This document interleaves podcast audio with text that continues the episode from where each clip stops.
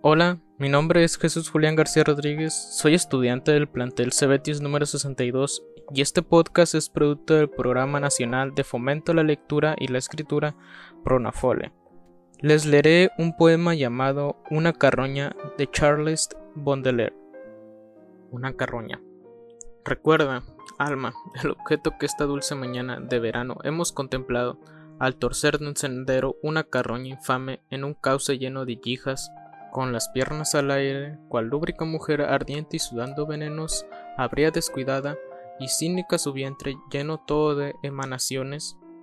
Irradiaba sobre este podredumbre el sol como para concelar al punto justo y de devolver el centuplo a la naturaleza lo que reunido ella juntaba, y el cielo contemplaba la asomante soberbia, lo mismo que un flor abrirse.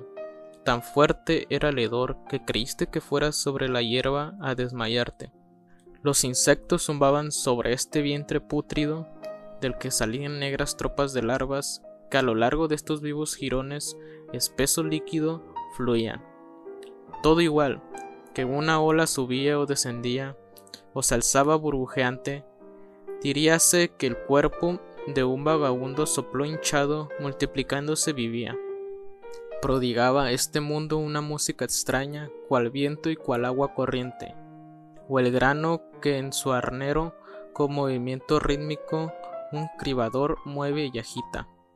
Las formas se borraban y no eran más que un sueño, un bosquejo tardó en llegar en la tela olvidada y que acaba el artista únicamente de memoria. Detrás de los roquedos, una perra nerviosa como irritada nos miraba esperando coger nuevamente el pedazo del esqueleto que soltó. Y serás, sin embargo, igual que esta inmundicia, igual que esta horrible infección, tú mi pasión y mi ángel, las estrellas de mis ojos y el sol de mi naturaleza. Sí, así serás, oh reina de las gracias, después de los últimos sacramentos, cuando en muecerte vayas bajo hierbas y flores en medio de las osamentas. Entonces, oh mi hermosa, dirás a los gusanos que a besos te devorarán, que he guardado la esencia y la forma divina de mis amores descompuestos. Bueno, eso ha sido todo el poema, espero les haya gustado y muchas gracias por su atención prestada. Hasta luego.